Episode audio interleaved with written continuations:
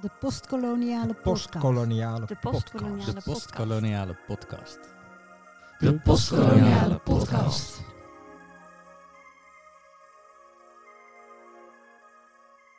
In de vorige eeuw veranderde de kijk op koloniale literatuur. De ideeën over ongelijke koloniale machtsverhoudingen en de rol die cultuur speelt bij het propageren daarvan, van onder andere Frans Fanon, Edward Said, Homi Bhabha en Gayatri Spivak, leidden tot een postkoloniale benadering van literatuur. Daarin worden de strategieën waarmee witte, christelijke, heteroseksuele mannen eeuwenlang de wereld wisten te domineren kritisch bevraagd. Inmiddels zijn er boekenkasten met postkoloniale analyses volgeschreven. Niet in de laatste plaats over postkoloniale literatuur. Zijn we niet zo'n beetje uitgesproken en uitgeschreven over koloniale literatuur? Is het postkolonialisme inmiddels niet passé? Liggen er wellicht andere benaderingen in het verschiet die een nieuw licht op koloniale en postkoloniale literatuur laten schijnen? Kortom, hoe ziet de toekomst van het postkolonialisme en van de studie van de postkoloniale literatuur eruit? We spreken hierover met twee kenners van het postkolonialisme en van postkoloniale literatuur. Jacqueline Bell is hoogleraar moderne Nederlandse letterkunde op de Multatuli-leerstoel aan de Vrije Universiteit Amsterdam. Ze is gespecialiseerd in de literatuur van het Vente siècle, de eerste helft van de 20e eeuw, de twee wereldoorlogen en de postkoloniale literatuur. In 2015 publiceerde ze Bloed en Rozen, geschiedenis van de Nederlandse literatuur 1900-1945 en ze was mede samensteller van de postkoloniale Spiegel. Frans Willem Korsten is hoogleraar literatuur en samenleving aan de Erasmus School of Philosophy en hoogleraar Literature, Culture and Law aan het Leiden University Center for the Arts in Society. Tegenwoordig richt hij zich vooral op kunst en literatuur als bemiddelaars voor rechtsproblemen.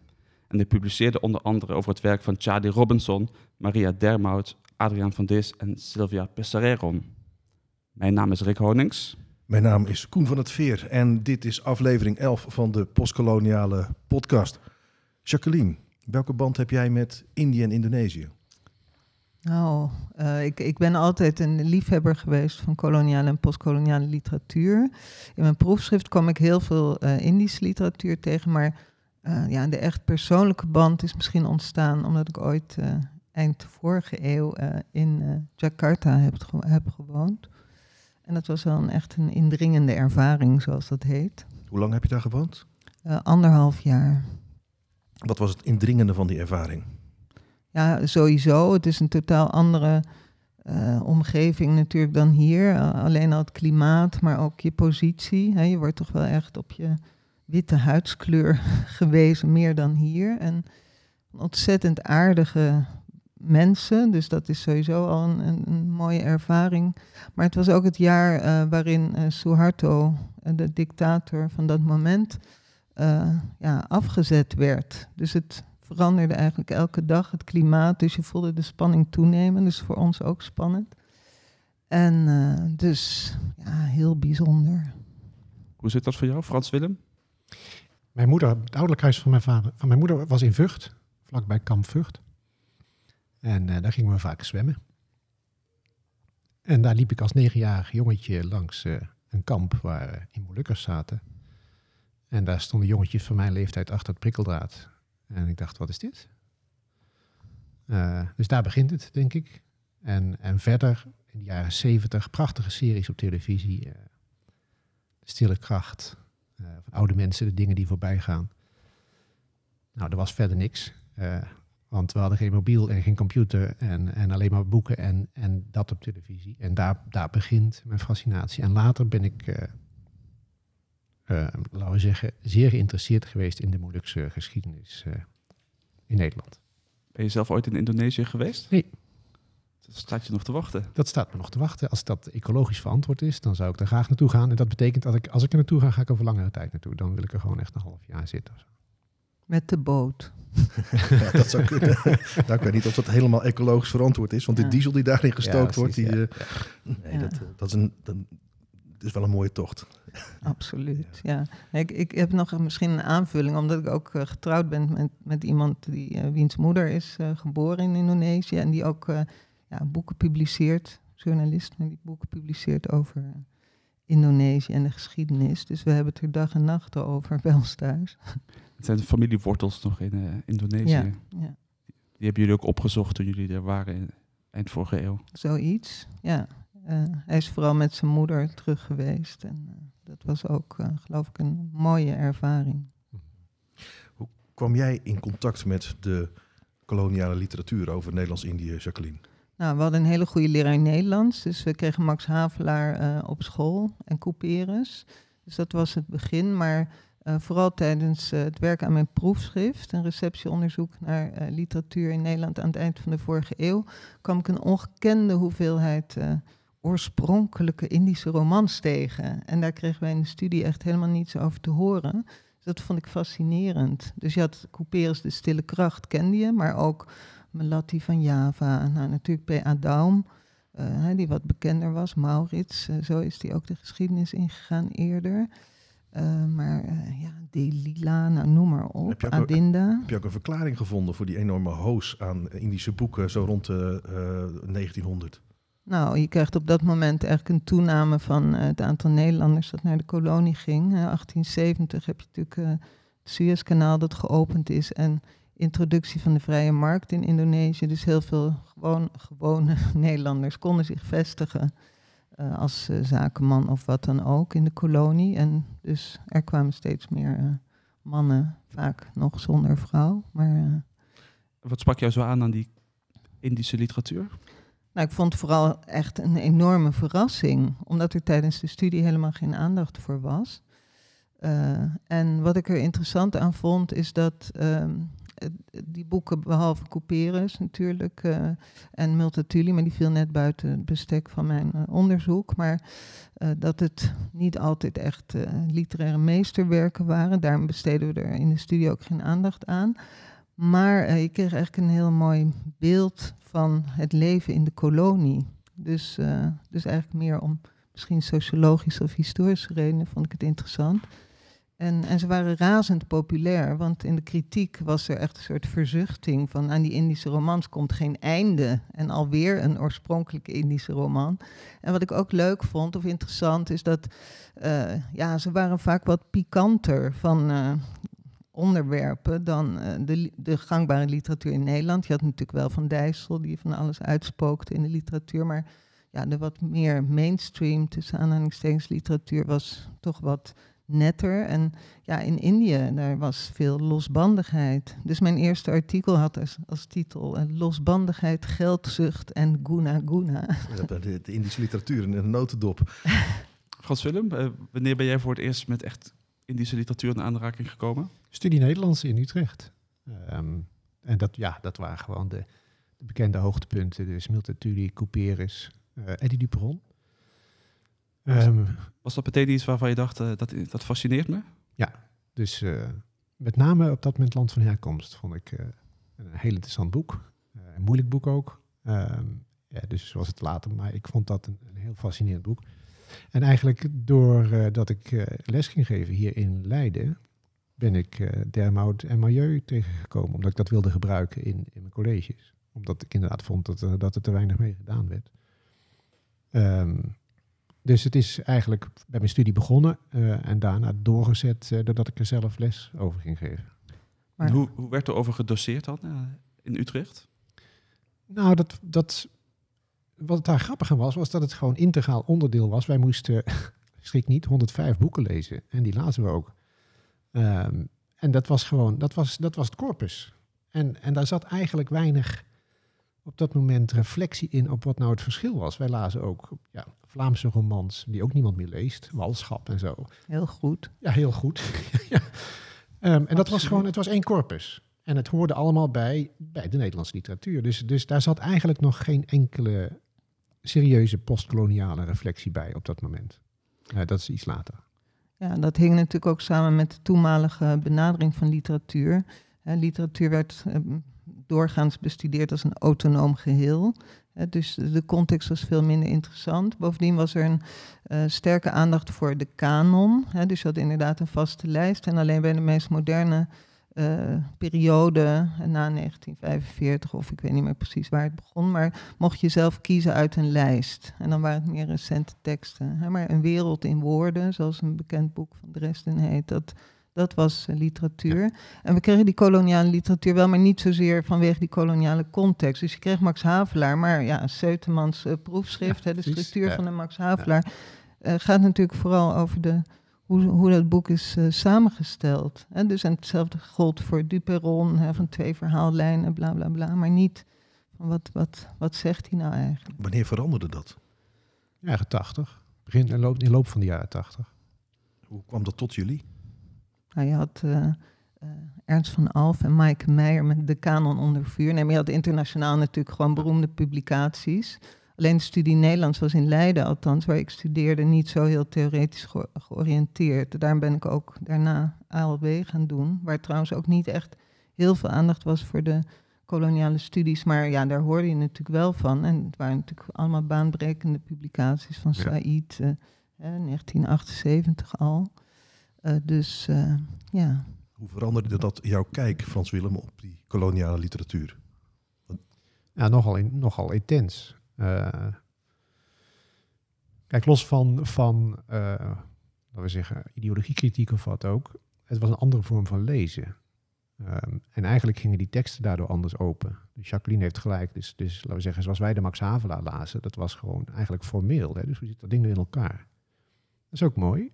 Ehm, of Eddie de Peron, maar, maar waar gaat het nou over? En wat wordt er nou beschreven eigenlijk? En door wie? En, en, en daar kwam het hele spel in beeld van, van wiens perceptie krijgen we? Eh, welke woorden worden er gekozen? Ehm, wat is de frequentie? Ja, dat betekende gewoon een anders, andere vorm van close readen. Ehm, maar ook een, een andere attitude. Hè? Dus, dus daar zat ook veel irritantie in. En, en laten we zeggen, er is veel strijd geweest waarvan je achteraf denkt, nou, nou, eh, moest het allemaal zo? Ehm, maar de andere kant is dat, dat, er, dat er pijnlijke dingen naar boven kwamen die tot op de dag van vandaag eh, niet weg zijn. Wat is voor jou echt een eye-opener geweest? Welke studie of welke denker? Ik denk toch Spivak. Dat vond ik beter dan Said. Ook omdat het meer aansloot bij... Kijk, zij was ook de eerste vertaler in Amerika van Derrida... waar, waar we toen eh, driftig mee bezig waren. Ehm, maar ik vind Spivak eigenlijk fundamenteler, ook beter doordacht dan, dan Said. Mag ik misschien iets... Nou, dat heb ik gezegd, dus bij deze. Hoe zat het met jou? nou, ik kies voor Said hoor.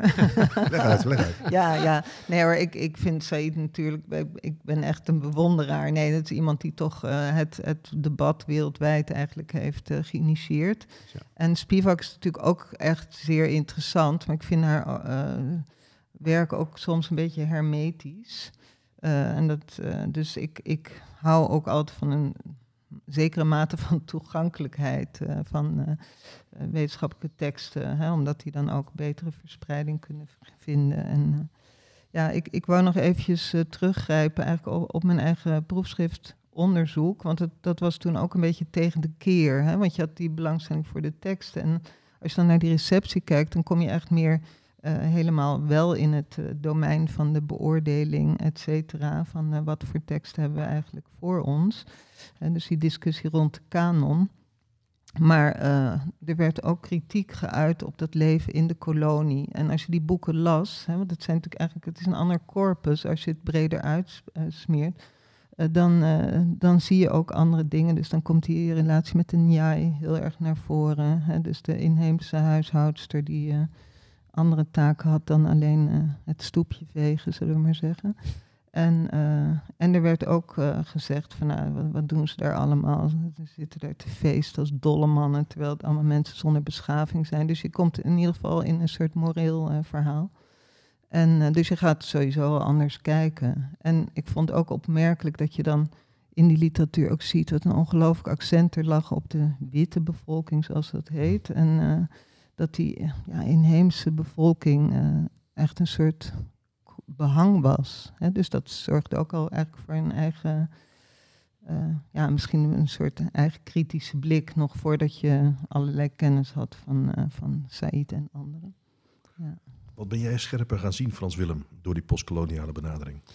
Eh, doordat ik nog even naast te denken, wil ik één ding toevoegen, Tuurlijk. toch? Eh, ik denk dat wat in de jaren 60 in de Verenigde Staten is gebeurd ook verschrikkelijk belangrijk was. Hè. Dus in mijn uh, zeggen, uh, late adolescentenjaren zat ik teksten van de Black Panthers te lezen en, en Baldwin. En daar is toch eigenlijk ook een soort bodem gelegd voor, voor het, het koloniale, postkoloniale, decoloniale denken. Dus dat eventjes. Uh, even terug naar je vraag. Ik denk dat het allerbelangrijkste is, wiens geschiedenis is dit nou eigenlijk? En, en kunnen we nog spreken over de Nederlandse geschiedenis? Of moeten we eigenlijk spreken over uh, soms elkaar uitsluitende geschiedenissen? Is een, een vraag die ik uh, soms aan het grote college inleiding literatuurwetenschap stelde, 250 studenten. Gelooft u dat u in één wereld leeft of dat er meerdere werelden zijn? Dat is heel grappig. De meeste witte studenten die zeiden één wereld. Maar als ik zwarte studenten in de zaal had, dan zeiden die er zijn meerdere werelden. Dus het, het, gaat, het gaat heel erg over tot hoever kun je komen in, in, in het werkelijk in contact treden met anderen. Uh, en dat is sowieso, laten we zeggen, een menselijke conditie. Dat kun je zelfs in je eigen familie nagaan. Waar je toch behoorlijk nauw mee bent. Um, er zitten gewoon breekpunten, culturele breekpunten in, in hoever je elkaar werkelijk kunt begrijpen. En volgens mij is dat een van de allerbelangrijkste uh, dingen geweest die ik me gerealiseerd heb. Het respect begint met het respect van de andersheid. En, en laten we zeggen, elke optie dat je zegt, ja, maar het gaat er toch om dat we elkaar moeten kunnen begrijpen, dat vind ik eigenlijk een soort machtsgreep die uiteindelijk betekent dat een van de twee of een van de drie of vier zich moet aanpassen. dus die moet in begrijpelijke taal voor de ander gaan spreken. Er zijn gewoon onbegrijpelijkheden in de manier waarop culturen elkaar treffen. Dat, dat vond ik, uh, en dat vind ik nog steeds uh, heel belangrijk. Op wat voor manier kan literatuur dan, dan een brug bij zijn? Wow. Een instrument. Ik, ik, wil eigenlijk ook nog even terug, hoewel ik het uh, mooi vind wat je zegt. Uh, maar respect van andersheid, dan, dan ga je wel al uit van het concept van anders zijn. Uh, dus dus je, je komt al heel snel een beetje in een, in een moeilijk moeras. Maar ik ben het verder helemaal met je eens. En ook, ook nog even teruggrijpend op uh, de jaren 70 en 80, die waren natuurlijk voor jongeren, tenminste dat is mijn beeld, ongetwijfeld ook wel uh, getekend door bijziendheid, maar uh, er waren heel veel kritische bewegingen. Hij had natuurlijk de, tegen de Vietnamoorlog, meer de generatie ja. voor ons. Je hebt natuurlijk de, tegen, tegen de uh, apartheid in Zuid-Afrika. Daar was ik zelfs op school al heel actief in. En het was eigenlijk wat vanzelfsprekender dan nu om linkskritisch te zijn. Inmiddels is, is er zoveel eigenlijk veranderd. En, uh, dus het is wel interessant dat we opnieuw in een, in een kritische tijd zitten. Anders, breder denk ik ook. Maar uh, het was niet zo dat het daarvoor helemaal niet bestond. Nee. Alleen het werd niet zo gekoppeld aan literatuur misschien. Hoe lezen jullie met jullie studenten dan uh, koloniale teksten? Wat wil je studenten leren? Hoe laat je ze daarnaar kijken? Nou ja, dus dat is heel grappig. Dus ik had op een gegeven moment uh, het college tekstanalyse, dat mijn favoriete college. Uh, groepjes van uh, 20, 25 studenten. Daar heb ik acht jaar op rij Maria Dermout gedaan. Acht jaar op rij. En iedere keer opnieuw gingen die teksten anders open. En toen dacht ik, ja, na acht jaar, nou moet ik toch eens een keer iets anders doen. Nou deed ik een boek wat, dat ik tijdens mijn studie heel indrukwekkend had gevonden. Hugo Claus, De Zwarte Keizer. Ik heb zelden zo'n saai jaar meegemaakt. Er kwam echt helemaal niks meer uit dan wat we in die tekst te lezen hadden.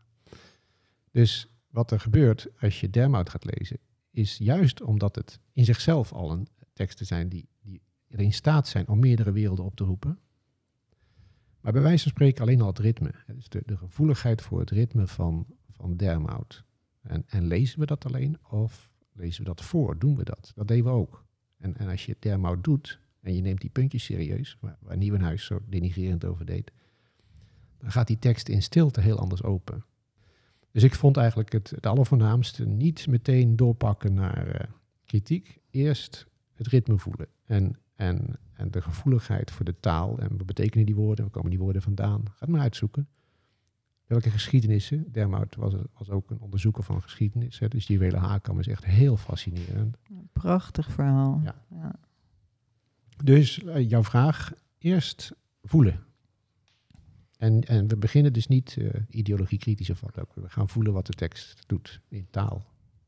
Nou, er, ik sluit me voor een groot deel aan bij wat je zegt. Ja, voor mij gaat het niet om voelen, maar echt om heel goed lezen en ook langzaam lezen. Het is zo vaak dat als ik vraag, studenten krijgen iets op van lees dit en dan krijg je een samenvatting en slaan ze hele stukken over. Dat moet natuurlijk bij samenvatting, maar dan zeg ik van nou laten we dan nog eens naar deze twee bladzijden kijken en dan rijst er opeens een schitterend uh, vergezicht op dat, dat ze dan helemaal niet gezien hebben. Dus dat eerst heel goed naar die tekst kijken, ook om, om, om het bijzondere van literatuur te ervaren. Uh, vind ik heel belangrijk. En dat voelen, dat, dat is dan weer persoonlijk misschien. Maar daarna uh, zie je, word je ook, je wordt gevoeliger natuurlijk voor clichés en originaliteit. dus dan zie je al snel op een gegeven moment ook die repeterende structuren in de beeldvorming. En, en dan zit je natuurlijk al toch in een kritische koloniale, postkoloniale, moet ik zeggen, lezing. maar het begint bij goed lezen. Frans Willem, jij zei zojuist dat uh, er andere werelden zijn. En mm -hmm. dat het een eigenlijk ja, een typisch wit denkbeeld is om te denken dat we in één wereld zouden leven. Hoe kan literatuur dan een instrument zijn om toch dichter bij elkaar te komen? Nou, ik denk dat je je omschreef het eerst als brug. Ik denk dat je dat beeld moet vergeten. Dus het is geen brug, het is een, het is een poort of een deur. En, en achter die deur zit iets. Uh, of het is een, een pad. Dus, dus wat literatuur kan doen, is het, het kan me echt in die andere wereld brengen. Dat kan het. En, en, en dan ben ik ook literair gezien en belevend in die andere wereld. Um, maar dat is iets anders dan dat ik ten volle kan begrijpen wat zo'n weer. Kijk, als je gewoon zeggen 40 jaar bent opgegroeid in een Indonesische cultuur, een dorp, en dan hebben we het nog niet eens gehad over de verschillen in Indonesië. Die 30 jaar van, van leven, die, die kun je niet opvangen door even een tekst te lezen, om het zo maar te zeggen. Uh, en dan heb ik het nog niet eens gehad over hoe dat culturele werelden ja, aan elkaar hangen van associaties, connotaties, soms principieel incompatibel zijn. Hè? Dus uh, er zijn gewoon principieel verschillende culturen. Als, als ik, laat zeggen, even het voorbeeld geef van Native Americans. Als je geen idee hebt van wat het is om grond te bezitten, ja, dan is er, is er geen brug als, er, als daar opeens mensen binnenkomen die denken dat ze de grond kunnen kopen. Dat is een, dat is een incompatibiliteit. Maar juist literatuur kan me doen begrijpen wat het is om te leven in een wereld waarin je de grond niet kunt kopen, om het zo maar eens te zeggen. Dus ik zou niet spreken over een brug, ik zou zeggen over mogelijkheden om werkelijk in een andere wereld te raken. En daardoor uh, ja, veel sensibeler te worden, veel gevoeliger te worden voor de verschillende manieren waarop mensen hun wereld con construeren. Het, is in ieder geval een kennismaking met uh, werelden die je niet. Uh, niet de jouwe zijn. Ik denk trouwens wel, uh, je, je, geeft een beetje een eendimensionaal beeld van de witte wereld, maar ik denk dat er ook zoveel groepen zijn. Ja, dat, dat, je hebt natuurlijk altijd nog de individuen, hè, die toch sowieso al verschillen, maar ook, ook hele verschillende maatschappelijke groeperingen, denk ik. Dat vind ik ook altijd toch wel belangrijk. Maar uh, ja, ja, literatuur kan ook werken als een als een, ja, een spiegel is natuurlijk ook weer een verkeerd uh, beeld. Maar een aspect ervan zou misschien wel kunnen, kunnen gelden. Maar ook een achteruitkijkspiegel om, om ook dingen uit het verleden te leren. Ja, er kennis mee te maken. En, en het nou, begrijpen hoeft niet. Uh, maar in ieder geval dat je er ook een kritische attitude ten aanzien van kunt ontwikkelen. Dat is bijna een postkoloniale spiegel.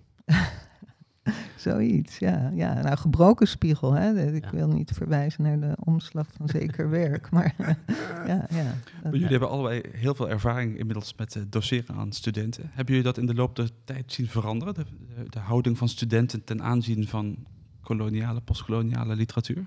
Je hoort over dingen over woke en dat studenten bepaalde boeken niet meer willen lezen waar foute denkbeelden in staan. Is dat iets wat jullie merken? Dat is zo. Uh, dat, dat heb ik nog niet meegemaakt, maar dat maken jonge collega's van mij wel mee.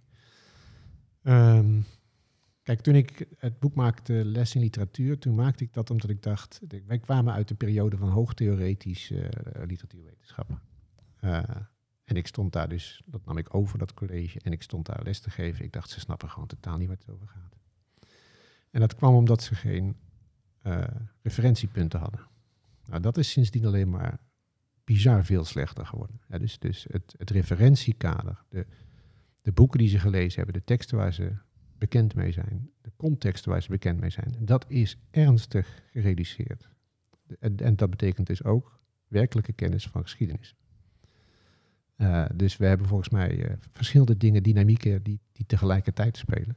Eh, we hebben dat woke-debat, wat ik soms een beetje grappig vind bijna. Dat eh, er mensen woke zijn waarvan ik denk, goh, je komt zelf wel uit een heel geprivilegieerd eh, milieu.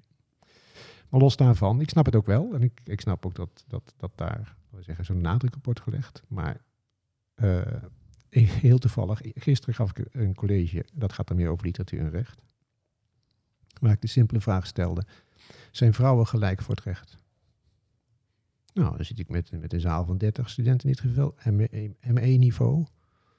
Veel vrouwen, maar bijna geen benul van, van bijvoorbeeld waarom het feminisme zo relevant is geweest om, om iets meer gelijkheid tussen mannen en, en, en vrouwen zijn nog steeds niet gelijk voor het recht. Dus, dus We gaan toch niet nu de vrouwen eh, aan, nee. aanklagen? Oké. nee, nee, nee, nee, nee, maar ik bedoel dus, laten we zeggen, geen, geen bewustzijn van die geschiedenis. Van, van het gevecht dat nodig is geweest om, om tot een gelijkere situatie te komen. Dus er is soms heel veel eh, rumoer, waarvan ik me echt af en toe afvraag, ben je nou echt op de hoogte van die geschiedenis dan?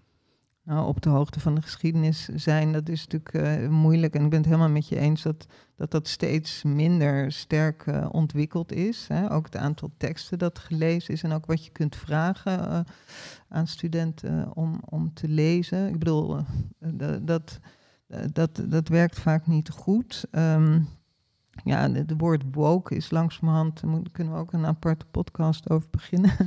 Eh, hè, dat eh, er verandert eigenlijk ook zo op dit moment van betekenis. En het wordt ook door rechtse groeperingen Ja. gebruikt. Dus, eh, eh, hè, maar eh, kritisch blijven is natuurlijk altijd ontzettend belangrijk. En eh, ja, uitgangspunten onderzoeken. En eh, Heeft, heeft de postkoloniale benadering dan zijn langste tijd gehad? Nee, absoluut niet. Eh, dat denk ik. eh, ik bedoel, de postkoloniale benadering staat, bestaat natuurlijk bij wijze van spreken niet. Ja. Ja, het is natuurlijk een veelvoud van eh, verschillende richtingen die allemaal een cultuurkritische compo- component gemeen hebben. En dat is denk ik heel erg belangrijk. En dan komen we weer terug bij dat goed kunnen lezen en, en ook kritisch kunnen lezen. En, dus ik, ik, ja, je ziet dat nu, nu pas een debat eh, eh, breder gevoerd wordt over het koloniale verleden. En nu pas worden excuses voor het slavernijverleden aangeboden.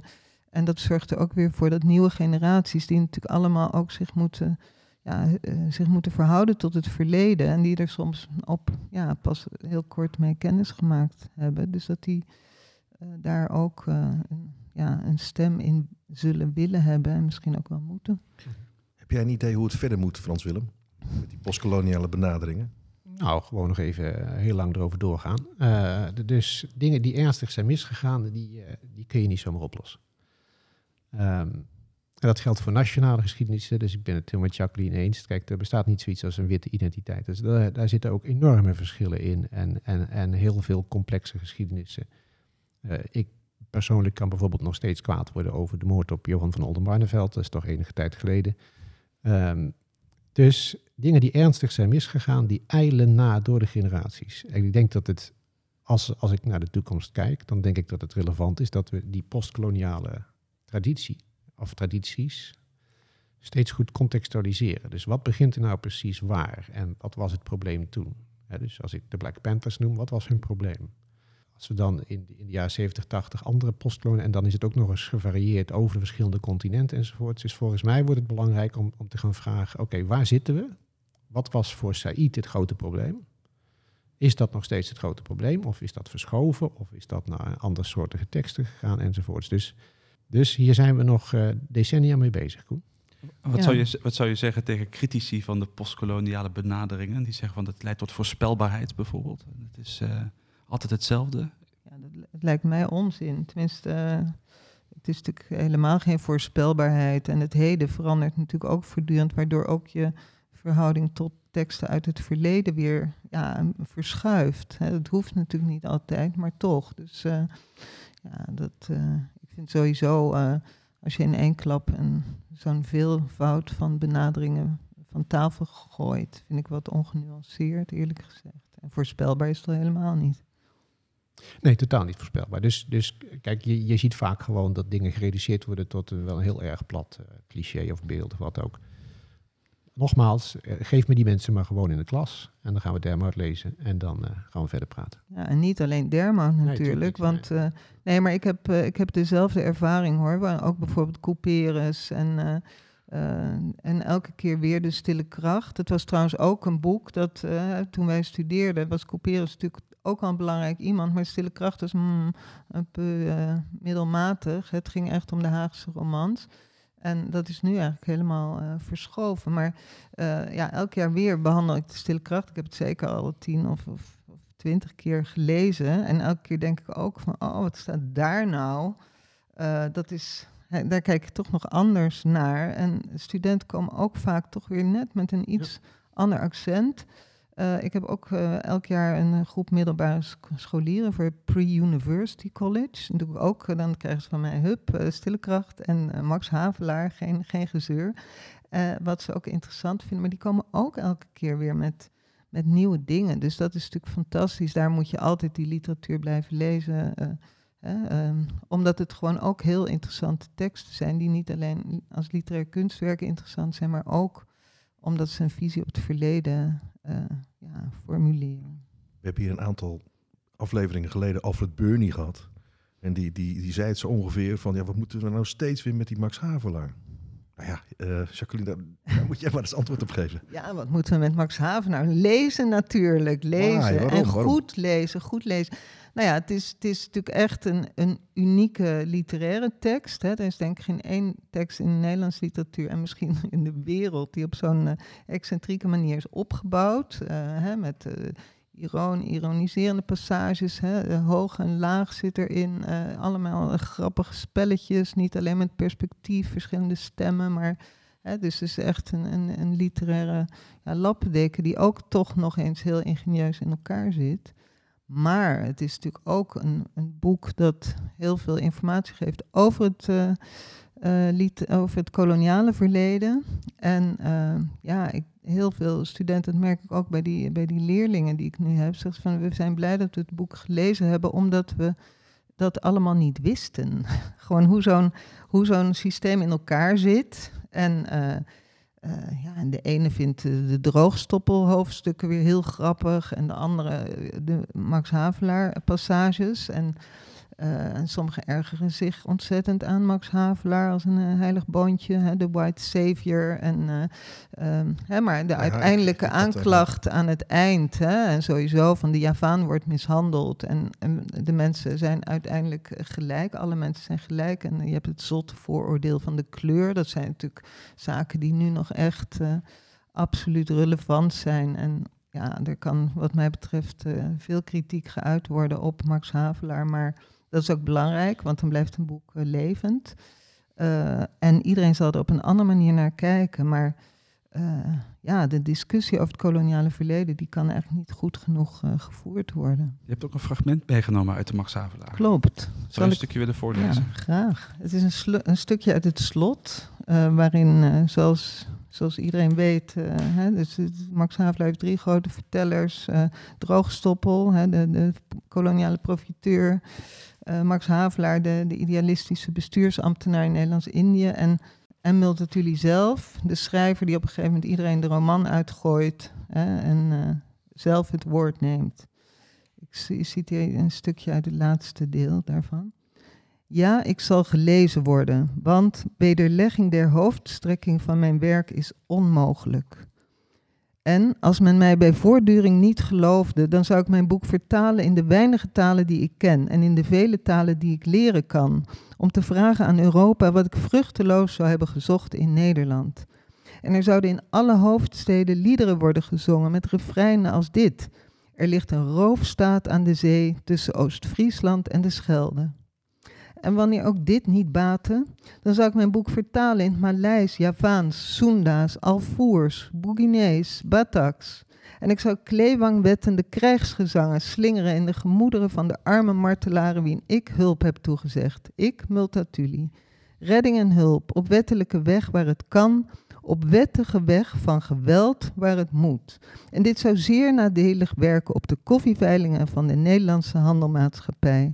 Want ik ben geen vliegende red, vliegenreddende dichter, geen zachtmoedige dromer, zoals de getrapte havelaar, die zijn plicht deed met de moed van een leeuw en honger lijdt met het geduld van een marmot in de winter. Dit boek is een inleiding. Ik zal toenemen in kracht en scherpte van wapenen naarmate het nodig zal wezen. Nee, het zal niet nodig zijn, want aan u draag ik mijn boek op, Willem III, koning, groothertog, prins, meer dan prins, groothertog en koning, keizer van het prachtige rijk van Insulinde dat zich daar slingert om de evenaar als een gordel van smaragd. Aan u durf ik met vertrouwen vragen of het uw keizerlijke wil is dat Havelaar wordt bespat met de modder van slijmeringen en droogstoppels en dat daar ginds uw meer dan 30 miljoenen onderdanen worden mishandeld en uitgezogen in uw naam? Frans Willem, ben jij ook zo enthousiast over de Max Havelaar? Absoluut. Een roofstaat aan de Noordzee, prachtig. Maar jij hebt een ander boek uh, uitgezocht. uh, ja, van uh, Dermout, die heb ik al een paar keer genoemd. ik noem ze vaak omdat ze juist vaak uit de literaire geschiedenis is getild in, de, in de behandeling.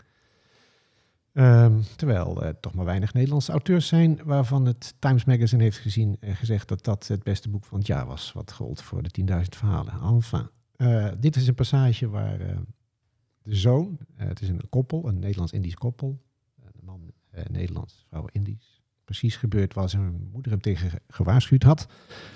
En dat gezin begint uit elkaar te vallen. En af en toe komt deze zoon nog terug, die leeft in de kampong, deugt niet. En dan zegt zijn vader, die wil eigenlijk dat hij naar een conservatorium gaat. En dan zegt hij, dat, dat gaat dus niet gebeuren. En dan zingt hij liedjes voor hem. En dan vraagt hij iedere keer, is dit rommel? En dan zegt zijn vader, nee, dat is geen rommel. En dan krijgen we deze passage, die gaat over een buaya. Hij gebruikt het woord buaya. Dat is krokodil in het Maleis. En dat betekent tegelijk ook overdrachtelijk de halfbloeds. Ook wel de Europeanen die afgezakt zijn naar de rand van de kampong. En die daar leven onder elkaar, dief en diefjesmaat, helers, soeteneurs, ook wel de sleuteraars, die alleen maar geen plezier meer in iets hebben, de doodarmen en veel prostituees tussen kleine opiumkitten en speelhuisjes en andere krotten, die daar langzaam te gronden gaan, langzaam doodgaan. De Buaya is doodgegaan, zei George en stond op met zijn gitaar. Dat ben ik nu ook vader. Een Buaya, een krokodil. Moet die nog naar Europa, naar een conservatorium? Nee toch? Het is geen rommel, hè? zei hij nog eens bijna uitdagend alsof hij zijn vader aan zou vliegen. Maar dat deed hij toch niet. Dag vader, zei hij enkel, en uh, zegt uw moeder maar voor me goedendag. Daar is je moeder, zei Charles. Toetie had al die tijd stil in de deuropening gestaan van haar kamer. George had haar niet gezien. Hij ging nu naar haar toe, zijn gitaar in een hand en gaf haar zijn andere hand. Dag moeder, zei hij. Dag lieve Schot, zei Toetie boog zich naar hem toe. Jij kan zo mooi zingen, Tjot. Ik heb het gehoord, dankjewel. En toen liet zij zijn hand los. Dankjewel voor dit prachtige fragment. Erg mooi, hè? Ja, absoluut. Hiermee zijn we aan het einde gekomen van aflevering 11 van de Postkoloniale podcast. We spraken vandaag met Jacqueline Bel en Frans Willem Koster.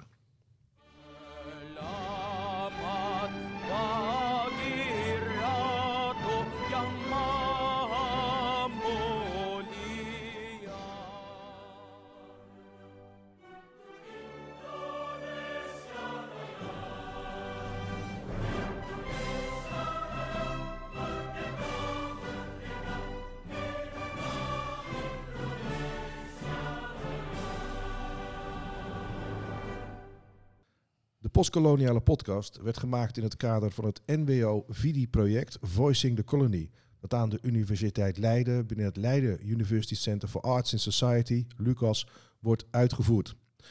De postkoloniale podcast werd gesponsord door de Maatschappij der Nederlandse Letterkunde en het tijdschrift Indische Letteren. Wil je meer weten over de Nederlands-Indische literatuur? Word dan lid van de werkgroep Indisch-Nederlandse Letterkunde en ontvang vier keer per jaar het tijdschrift Indische Letteren. Zie voor meer informatie de website. Deze podcast werd gemaakt door Goran Buazic, Tatum Meijer, Rick Honings en Koen van Tveer.